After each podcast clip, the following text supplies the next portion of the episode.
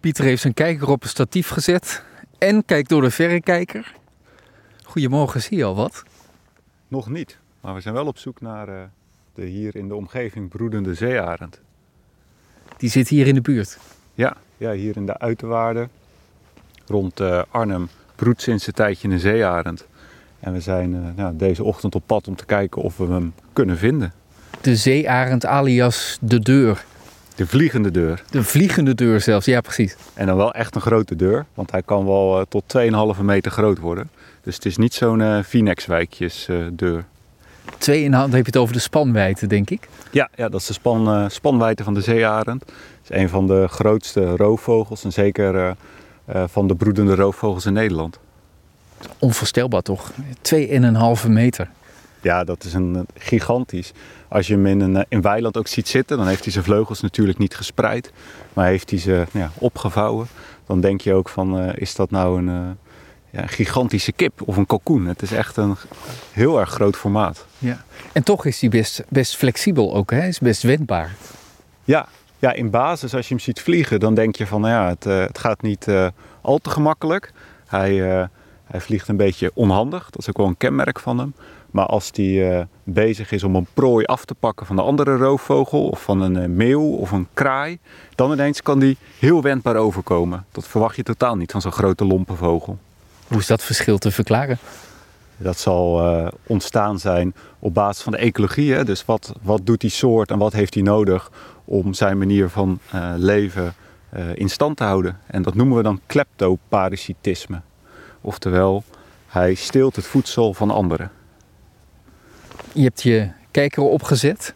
Eigenlijk zitten we een beetje tegen een heuvel aan te kijken. Maar moet ik dan net over het heuveltje heen kijken om, moet, eh, tenminste, waar, waar die dan zou kunnen zitten? Hè? Want gezien heb je hem nog niet. Nee, ik heb hem nog niet gezien. Je moet van je afkijken op zoek naar eh, de, de populiere bosjes en de wilgenbosjes eh, in de uiterwaarden. En dan vaak de wat oudere bosjes waar die mooi bovenin een nest kan bouwen. En dat nest dat ziet er een beetje uit als een ooievaarsnest. Nog iets groter, nog iets hoger, nog iets lomper. En dan vaak boven in de bomen, maar wel iets naar achteren, zodat hij wel wat, uh, wat dekking heeft. Uh, dat hij niet volle bak in de wind zit.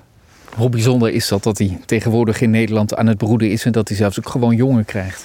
Nou, dat is heel bijzonder. De eerste broedgeval in Nederland was in 2006. Dus dat is eigenlijk nog heel, uh, heel kort. En we hebben dit jaar 17 broedparen gehad in Nederland. Maar die ontwikkeling van 1 naar, uh, naar 17, dat is in een tijdsbestek Hi. van. Uh, goeiedag, is in een tijdsbestek van 15 jaar gebeurd. Waarin de laatste vijf jaar het echt ineens van 5 naar 15 is gegaan. Dus dat is heel snel gegaan. Wat is er veranderd dan voor de zeearend dat het uh, nu ineens wel lukt en daarvoor heel erg lang niet? Nou, Nederland wordt geschikter. Ja. Uh, maar ook in het buitenland gaat het goed met de zeearend. Dus de, de zeearenden die wij hebben in Nederland, die komen uh, van oorsprong uit Polen en van daaruit naar Duitsland. Uh, dus we hebben eigenlijk Duitse vogels die hier voet aan de grond krijgen. En daardoor nou, krijgen wij er ook steeds meer. En de Nederlandse vogels die, die krijgen ook nakomelingen. We krijgen jonge zeearendjes. En die, die kunnen hier ook weer nieuwe broedparen nou, stichten. Dus dan gaat het ineens heel snel. Ja. Hoe groot is de kans dat we er eentje gaan zien vanochtend, denk je? Nou, op dit moment kun je overal Nederland zeearenden zien. Dus dat is ook wel een, een tip voor de luisteraars. Als het uh, zo'n mooie ochtend is zoals we nu hebben, ga naar buiten toe. En je hebt niet eens de verrekijker nodig, want het is een hele grote vogel. En hij kan overal overvliegen.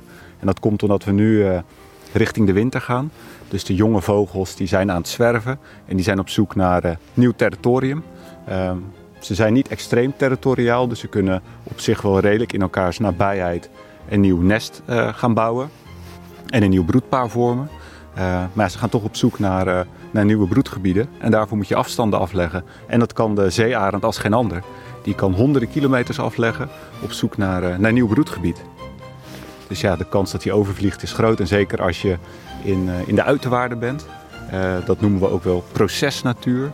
Dus grote vlaktes met rivieren en veel voedsel aanwezig. Maar ook de Oostvaardersplassen bijvoorbeeld. Ja, dan heb je grote kans dat je ze ziet.